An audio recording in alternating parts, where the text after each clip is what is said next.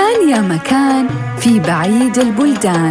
ملك يسهر ولا ينام إلا على قصص الإنس والجان.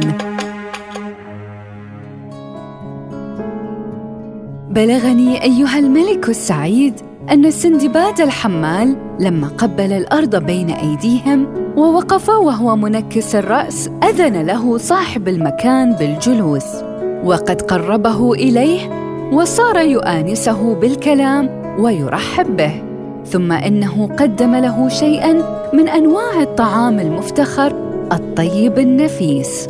فتقدم السندباد الحمال وسمى وأكل حتى اكتفى وشبع وقال الحمد لله على كل حال. ثم إنه غسل يديه وشكرهم على ذلك فقال صاحب المكان مرحبا بك. ونهارك مبارك فما يكون اسمك وما تعاني من الصنائع؟ فقال له السندباد الحمال يا سيدي اسمي السندباد الحمال وأنا أحمل على راسي أسباب الناس بالأجرة. فتبسم صاحب المكان وقال له أعلم يا حمال أن اسمك مثل اسمي فأنا السندباد البحري. ولكن يا حمال قصدي أن تسمعني الأبيات التي كنت تنشدها وأنت على الباب.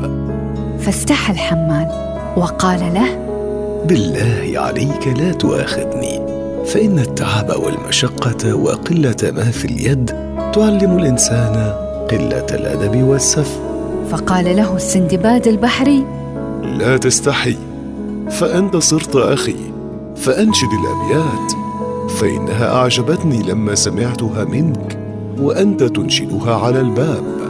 فعند ذلك أنشده الحمال تلك الأبيات فأعجبته وطرب لسماعها وقال له يا حمال أعلم أن لي قصة عجيبة وسوف أخبرك بجميع ما صار لي وما جرى لي من قبل أن أصير إلى هذه السعادة. وأجلس في هذا المكان الذي تراني فيه. فإني ما وصلت إلى هذه السعادة وهذا المكان إلا بعد تعب شديد ومشقة عظيمة وأهوال كبيرة. وكم قاسيت في الزمن الأول من التعب والنصب. وقد سافرت سبع سفرات وكل سفرة لها حكاية عجيبة تحير الفكر. وكل ذلك بالقضاء والقدر وليس من المكتوب مفر ولا مهرب. الحكاية الأولى وهي أول السفرات. اعلموا يا سادة يا كرام أنه كان لي اب تاجر وكان من أكابر الناس والتجار وكان عنده مال كثير ونوال جزيل. وقد مات وأنا ولد صغير وخلف لي مالا وعقارا وضياعا. فلما كبرت وضعت يدي على الجميع وقد أكلت أكلا مليحا وشربت شربا مليحا وعاشرت الشباب وتجملت بلبس الثياب ومشيت مع الخلان والأصحاب. واعتقدت أن ذلك يدوم لي وينفعني. ولم أزل على هذه الحالة مدة من الزمان. ثم إني رجعت إلى عقلي وأفقت من غفلتي فوجدت مالي قد مال وحالي قد حال وقد ذهب جميع ما كان معي ولم أستفق لنفسي إلا وأنا مرعوب مدهوش. وقد تفكرت حكاية كنت أسمعها سابقا وهي حكاية سيدنا سليمان بن داود عليهما السلام في قوله. ثلاثة خير من ثلاث. يوم الممات خير من يوم الولادة وكلب حي خير من سبع ميت والقبر خير من القصر. ثم إني قمت وجمعت ما كان عندي من آثار وملبوس وبعته. ثم بعت عقاري وجميع ما تملك يدي. فجمعت ثلاثة آلاف درهم. وقد خطر ببالي السفر إلى بلاد الناس وتذكرت بعض كلام الشعراء حيث قال بقدر الكد تكتسب المعالي ومن طلب العلا سهر الليالي. غوص البحر في طلب اللآلي ويحظى بالسيادة والنوالي. ومن طلب العلا من غير كد أضاع العمر في طلب المحال فعند ذلك هممت فقمت واشتريت لي بضاعة ومتاعا واسبابا وشيئا من أغراض السفر. وقد سمحت لي نفسي بالسفر في البحر.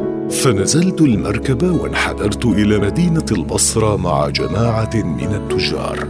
وسرنا في البحر مدة أيام وليالي. وقد مررنا بجزيرة بعد جزيرة.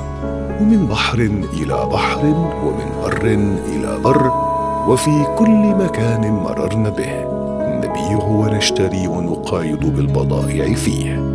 وقد انطلقنا في سير البحر إلى أن وصلنا إلى جزيرة كأنها روضة من رياض الجنة.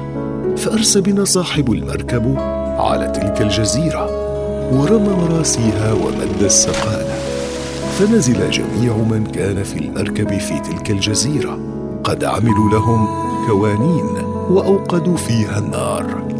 واختلفت أشغالهم. فمنهم من صار يطبخ ومنهم من صار يغسل ومنهم من صار يتفرج.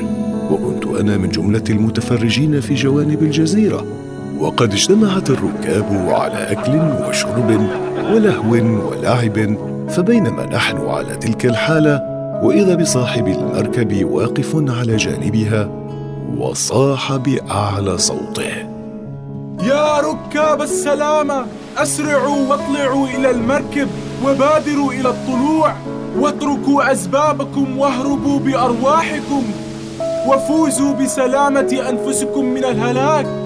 فإن هذه الجزيرة التي أنتم عليها ما هي جزيرة؟ وإنما هي سمكة كبيرة رست في وسط البحر. فبنى عليها الرمل فصارت مثل الجزيرة وقد نبتت عليها الأشجار من قديم الزمان. فلما أوقدتم عليها النار أحست بالسخونة فتحركت وهي في هذا الوقت تنزل بكم في البحر فتغرقون جميعا. فاطلبوا النجاة لأنفسكم قبل الهلاك. وأدرك شهرزاد الصباح فسكتت عن الكلام المباح.